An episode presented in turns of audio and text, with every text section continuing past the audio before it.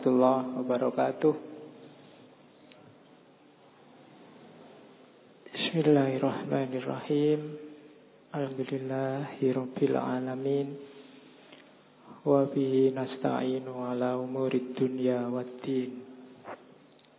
Allahumma sholli wa sallim wa barik ala habibina wa syafi'ina sayyidina wa maulana Muhammadin wa ala alihi wa ashabihi.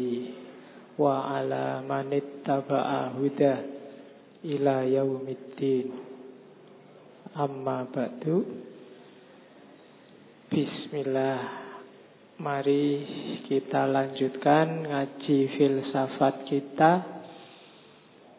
Malam ini tema terakhir untuk bulan Februari. Dalam tema cinta Minggu pertama kita ketemu Plato, minggu kedua Erich Fromm, minggu ketiga kita ketemu Robiah Adawiyah, dan malam ini terakhir kita ketemu Sufi besar Jalaluddin Rumi.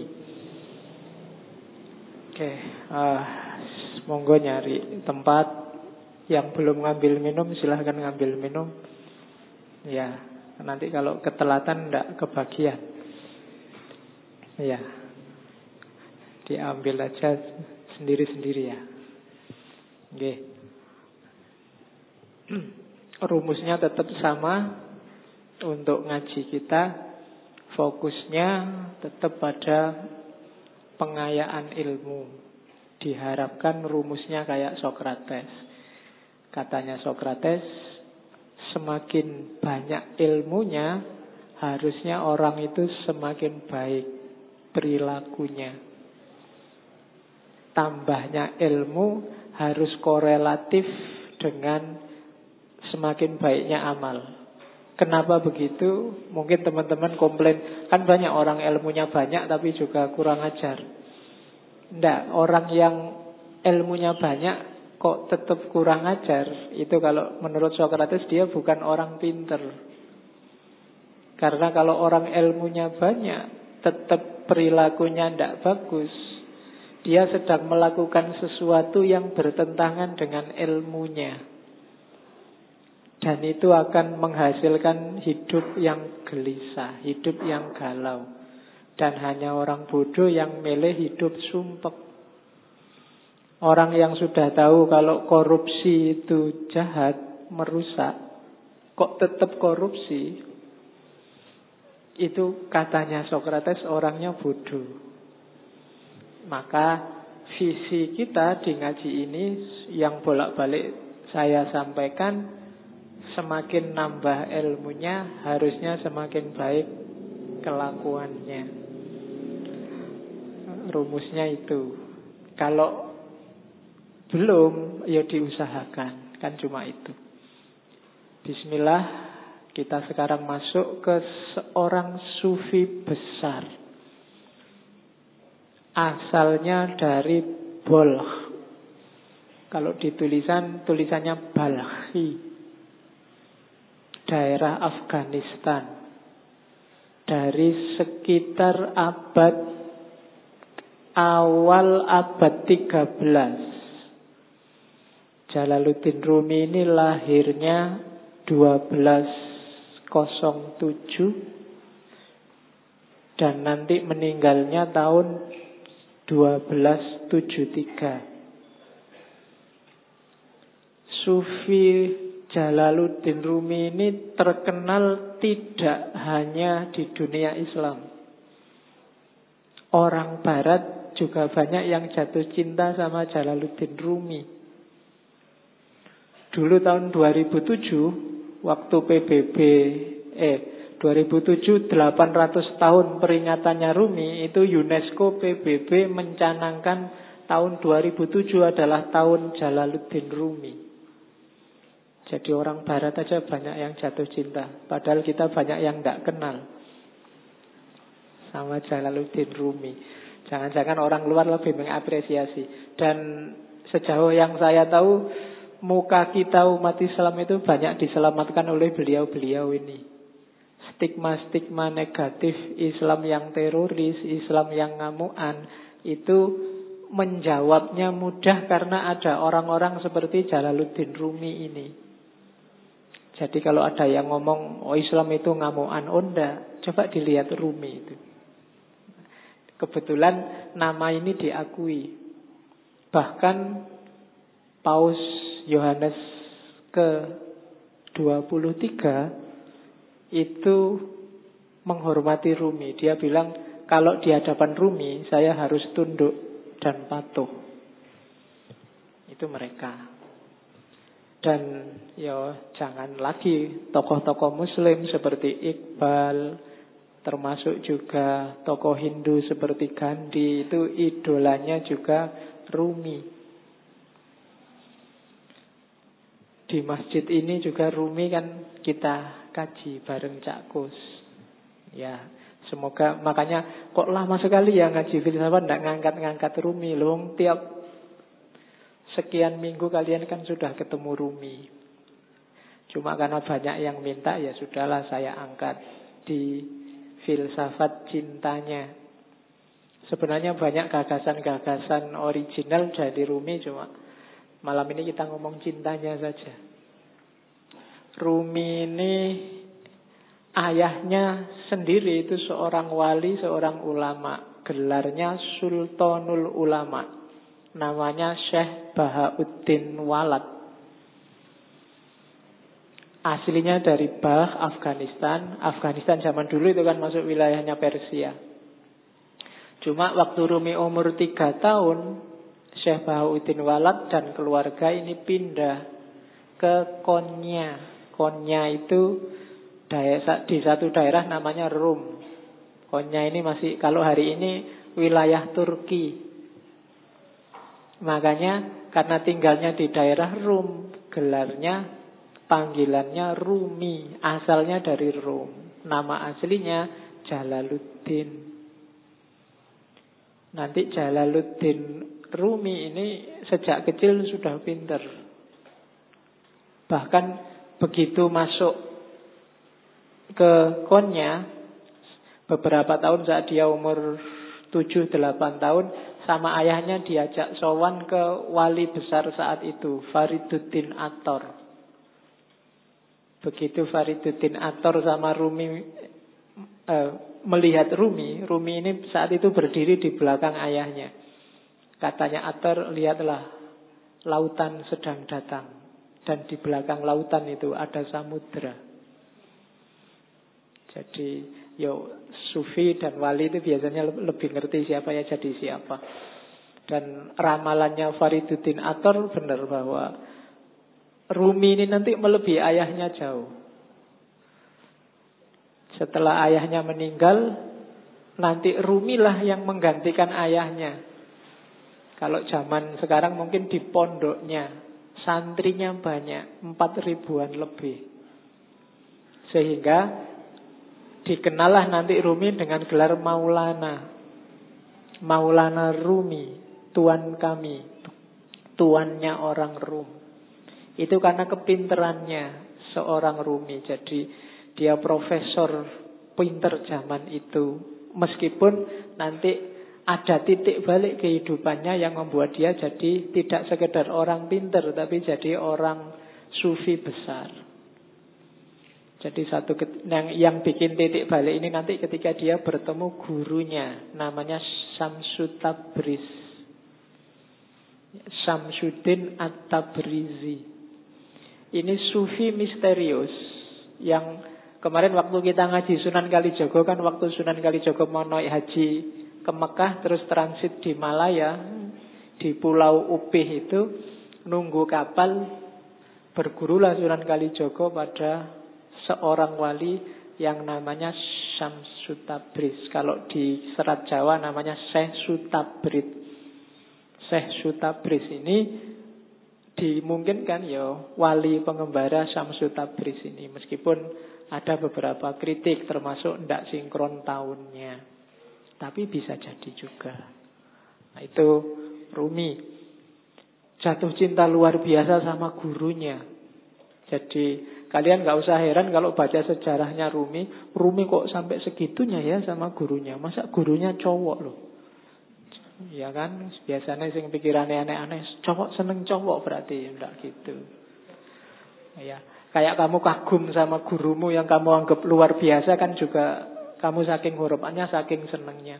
Dan Rumi ekstase kalau sama gurunya ini. Rumi dapat banyak sekali pelajaran dari Syamsu Tabriz. Dari situlah Rumi kemudian mulai menarik diri dari dunia ramai. Dia mulai zuhud, mulai uzlah. Yang nanti memunculkan fitnah-fitnah, bikin Samsu Tabriz tidak nyaman di dekat Rumi, terus pergi. Ketika gurunya ini pergi, itu Rumi mengalami semacam depresi, semacam stres, ditinggal orang yang paling disayangi. Mulai keluar bakat sastranya, sair-sairnya lahir. Termasuk nanti setelah ditinggal gurunya ini lahirlah tarian paling terkenal yang kita lihat mungkin di masjid ini kemarin waktu burdan kan juga ada. Orang barat menyebutnya whirling dervish. Sufi berputar yang gambarnya orang muter-muter cepat sekali itu. Jadi itu itu sebenarnya waktu Rumi sumpek suatu ketika dia ke tempatnya seorang muridnya namanya Solahuddin. Solahuddin ini pandai besi. Jadi tukang besi yang biasanya nempa besi itu nah dia merenung di situ termenung. Tiba-tiba dia dengar ketukan besi itu yang teng teng yang membentuk. Oh, apalah kalian saya tidak tahu di Jogja di mana ya nos pandai besi. Sekarang tidak mungkin nggak populer. Tapi dulu ada tukang besi. Nah lama-lama bunyi ketukan ini di telinganya. Rumi kedengaran kayak bunyi wirid, kayak bunyi Allah, Allah, Allah. Terus di setiap ketukannya dan secara nggak sadar tubuhnya bergerak mengikuti irama ketuan besi itu. Dari situ nanti terus dia berputar. Dari situ nanti lahir Wirling Dervish yang terkenal dalam torekot yang di apa torekotnya Rumi itu namanya torekot Maulawiyah. Oke, jadi torekot yang dikembangkan sesuai ajaran-ajaran Rumi. Ajaran-ajarannya dirumuskan sama sahabatnya yang namanya Syekh Husamuddin. Kalau Rumi dia nulis beberapa kitab besar yang populer yang kita ngaji di sini sama Cak Kus itu rubaiyat. Rubaiyat itu 1600 bed syair. Nanti kitab yang dia tulis paling terkenal lagi Diwanu Syamsu Tabriz. Ini pujian-pujian syair tentang gurunya. Syamsu Tabriz. Tentang gurunya juga dia tidak cuma nulis diwan tapi nulis makolatus Syamsu Tabriz. Dia juga nulis maktubat yang paling terkenal dari Rumi secara internasional juga adalah Masnawi. Masnawi ini bagi beberapa tokoh disebut Qurannya Persia. Karena ditulis awal pakai bahasa Persia. 25 ribu bait syair. Didiktekan pada sahabatnya Syekh Husamuddin dalam jangka kurang lebih 15 tahun. Meskipun nggak secara kontinu di tahun-tahun terakhir kehidupannya Rumi. Itu untuk menutupi kerinduannya pada gurunya. Syekh Husamuddin ini sahabatnya yang bertugas mencatat sair-sairnya Rumi. Jangan salah, Rumi itu kalau bersair nggak pakai mikir, nggak pakai nulis namanya bil bidah. Jadi kayak orang ngomong tiba-tiba keluarnya sair aja. Jadi dia tidak pakai kayak kalian kan bikin puisi sak garis keliru dicoret dihapus ganti lagi. Kurang indah dihapus. Enggak, kalau Rumi namanya bil bidah secara langsung. Badihi itu kan langsung. Jadi begitu dia ekstase dia ngomong dan muridnya mencatat. Dari situ lahirlah Mas Nawi yang 25 ribu bed syair. Dan syairnya itu kalau Mas Nabi coba sekali-sekali dibaca. Saya tahu teman-teman akrab tidak ya dengan warisan-warisan semacam ini. Saya dulu zaman mahasiswa sukanya yang terjemahannya Nicholson itu. Nicholson aja menerjemahnya panjang, hampir 25 tahun. Menerjemah karyanya Rumi mulai 1925 sampai 1950. Orientalis itu mau sekian puluh tahun menggeluti karya umat Islam. Jangan dibandingkan sama kita.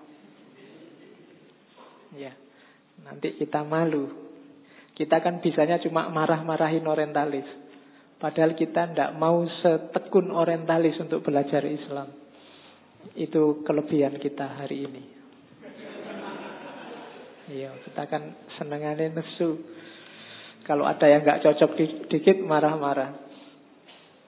Kemarin saya waktu di Jakarta ada wartawan yang tanya, Pak Faiz, ngaji filsafat itu kitabnya apa? Tidak ada kitabnya. Lah kok tidak ada kitabnya? Ya memang tidak ada. Lah terus pakai apa? Tak bilangin kitabnya itu kitab cahaya. Ya kan kitabnya cahaya atau kita? Iya. Jadi terus yang datang itu siapa aja kan? Biasa tak pakai guyon itu kan. Uh, yang datang ke sini itu semuanya bercahaya. Karena senengannya pegang HP, dipegang wajahnya bercahaya semua. Ada yang tanya gitu. Ya kemarin saya waktu sama Pak Said Akil itu kan terus gimana ya Pak solusinya ada hoak, ada berita palsu itu kan di panel sama banyak tokoh yang lain. Solusinya banyak tapi ya masih sumpek aja akhirnya terakhir kata-kata terakhir Pak Faiz gimana? Gimana kalau kita berdoa saja? Doa kita itu selama ini kurang. Kita kan biasanya doanya Robbana atina fid dunya hasanah wa fil akhirati hasanah. Sekarang dunianya tambah satu lagi, dunia maya. Oh, itu kan kita kan bingung hari ini gara-gara dunia maya. Jadi gimana Pak Yai Said kalau doanya sekarang kita tambah ya Robbana atina fid dunya hasanah wa fid dunya maya hasanah wa fil akhirati hasanah. Ya. Wong Jakarta bingung iki ayo opo. Oke, terus. Ah, jadi Rumi seperti itulah sosoknya. Kalau dari sisi fikih Rumi ini Hanafi. Hanafiyah, bukan Syafi'iyah. Kalau dari sisi kalam Rumi ini Maturidi. Sunni jelas. Jadi di antara sufi besar kebanggaannya orang Sunni itu Jalaluddin Rumi. Ada satu kisah yang saya suka waktu Rumi berguru sama Samsud Tabriz. Satu ketika gurunya ini kan wali itu kan so aneh-aneh. Satu ketika eh Rumi kita malam-malam ngobrol gini kan enaknya sambil minum ya. Mbok tolong kamu beliin tua, beliin arak. Nanti kita minum bareng-bareng. Rumi heran. Sampai ini sehat Pak Guru. Kan kamu sering gitu hari ini kan. Anda sehat mesti gitu. Ya. Sekarang kan sering kamu disindir gitu kan di WA WA di Facebook kan mesti gitu. Anda sehat, yang paling banyak sekarang Anda muslim mesti gitu. Ya.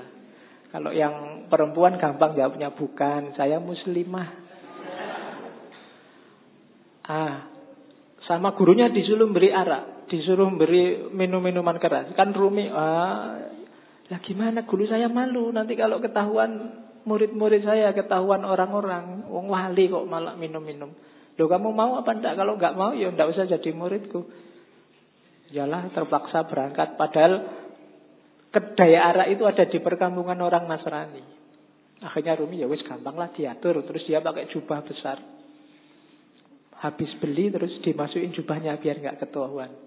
Eh kok dilalah orang-orang Nasrani yang ada di situ ngincer ini ngapain Rumi di sini? Eh malah beli minuman keras diikuti dari belakang. Begitu nyampe depan masjid teriak ini orang Nasrani. Eh lihat wali kalian, sufi kalian beli minuman keras. Oh itu orang masjid masa tau nggak percaya awalnya begitu dibuka. Coba lihat di jubahnya benar ada minuman keras di situ. Wah, wali palsu berarti dipukuli banyak orang Rumi di situ. Saat saat Rumi dipukuli terus gurunya datang Samsu Tabriz. Gurunya bilang, "Eh, eh, kalian salah paham itu bukan minuman keras, itu cuma air putih biasa." Waktu di coba lihat, ternyata benar air putih biasa. Itu sebenarnya pelajaran buat Rumi. Eh, Rumi, kamu membanggakan apa? status, nama besar, kewalian, penghormatan orang lain, apa benar mereka menghargaimu, menganggapmu penting, menganggapmu besar? Wong cuma gara-gara botol kecil ini aja kamu sudah dipukuli. Jadi tidak ada atribut, tidak ada nama, tidak ada kebesaran, tidak ada kebanggaan. Kalau sama orang lain ya manusia itu begitu. Maka jangan menyombongkan nama besar, jangan menyombongkan nama baik. Mungkin di Indonesia dulu ada ulama yang gara-gara nikah lagi, terus orang sa Indonesia marahin dia. Ada kan begitu? Nama besarnya langsung jatuh. Loh itulah rakyat, itulah masyarakat. Kalau kita mengandalkan pendapat masyarakat, kita menjaga nama baik di tengah masyarakat, apa nama itu? Apalagi di era Hari ini kan fitnah, berita bohong berseliweran. Kalau kita andalannya nama baik, besok kamu tak bikinin hoak, namamu langsung jatuh. Maka jangan mikir itu. Tidak usah sibuk dengan orang menganggap aku baik apa enggak. Yang penting lakukanlah, jadilah orang baik. Nggak usah mikir, benar nggak aku baik orang melihatku baik. Ada kebalikannya, aslinya kamu jelek, tapi kamu ingin dianggap baik. Itu nanti yang disebut pencitraan. Nah, oke. Okay.